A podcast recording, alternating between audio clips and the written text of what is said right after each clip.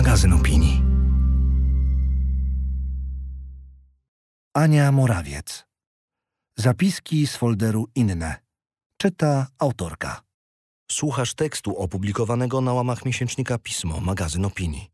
Na stronie magazynpismo.pl znajdziesz więcej inspirujących treści, także w wersji audio. Wykup prenumeraty, aby zyskać dostęp do wszystkich artykułów, ilustracji i nagrań. Notatka z czerwca tego roku. W kanale żerańskim zwodowano jacht, którego budowę 14 lat temu rozpoczęła grupa mężczyzn w kryzysie bezdomności, podopiecznych kamiliańskiej misji pomocy społecznej. 17-metrowy szkuner gaflowy popłynął do Gdańska, skąd regularnie będzie wypływał w pełnomorskie rejsy terapeutyczne. W pracach podejmowanych rotacyjnie wzięło udział ponad 200 mężczyzn dotkniętych bezdomnością. Wydarzenie to nie umknęło uwadze krajowych mediów i znalazło się także w moich notatkach, z których korzystałam w ciągu ostatnich 12 miesięcy, przygotowując felietony o tym, że jednak nie wszystko stracone. W folderze Inne znalazły się historie, dla których opowiedzenia nie znalazłam wcześniej okazji. Na przykład taka. Październik 2020 roku trwa maraton biegowy w Salt Lake City. Carrie Kelly, doświadczona uczestniczka, już na początku biegu, 69 w jej karierze, doznaje bolesnej kontuzji pleców, jednak nie przerywa maratonu. Podbiega do niej wówczas Fidel Ibarra, osadzony z więzienia stanowego w Utah, który, widząc determinację Kelly, przerywa przymusowe prace społeczne i dołącza do wyścigu. Na metę dobiegają ostatni, ale razem, bo to dzięki jego towarzystwu i nieustannemu dopingowi kobiecie udaje się ukończyć zawody. Uczucie towarzyszące dotarciu na metę jest niepowtarzalne, miał później powiedzieć Ibarra. W folderze Inne znalazłam też taki zapis.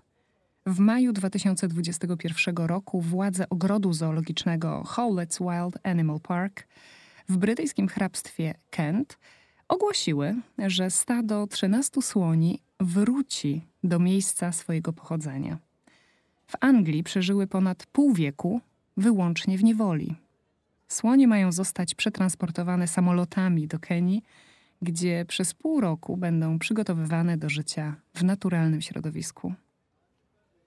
Nie znalazłam też w ostatnich miesiącach pretekstu, by napisać o Tomim Rombergu, choć jego historia również domaga się opowiedzenia.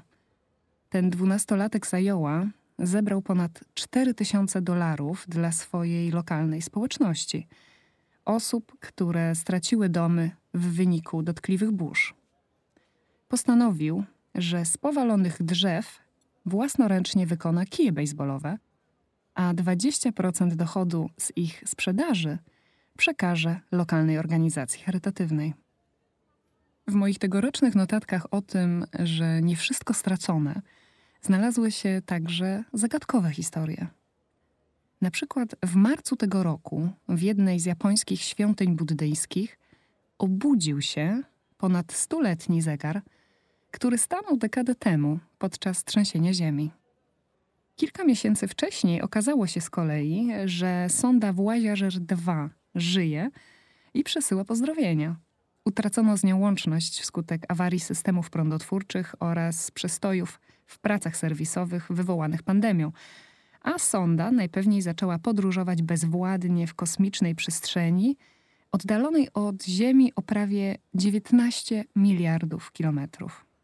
Ta wiadomość podnosi na duchu w tajemniczy sposób. No i te dwa, moje ulubione, sekrety łaskawej przyrody. Pierwszy. Kamień ważący tonę odrywa się od sklepienia jednego z norweskich tuneli i spada na samochód prowadzony przez 41-letniego Grzegorza Mazura. Jedyny ocalały fragment karoserii to ten nad głową mężczyzny. Ocalony miał po wszystkim powiedzieć, że zamierza teraz więcej czasu spędzać z rodziną. Drugi, półtora roczny owczarek o imieniu Clover, blokuje ruch uliczny w dzielnicy Ottawy. Jego leżąca nieopodal opiekunka właśnie przechodzi atak serca. Pies wbiega na jezdnię, grodzi drogę ciężarówką, i w ten sposób ratuje jej życie. Z nieznanych sobie powodów te właśnie, niosące tajemnice wiadomości, chowałam w pamięci najdłużej. Być może odczytywałam je jako dające nadzieję dlatego, że mają w sobie to magiczne przekonanie, że piłka wciąż jest w grze. Felieton ukazał się w 48. numerze miesięcznika Pismo, magazyn opinii, czytała Ania Morawiec.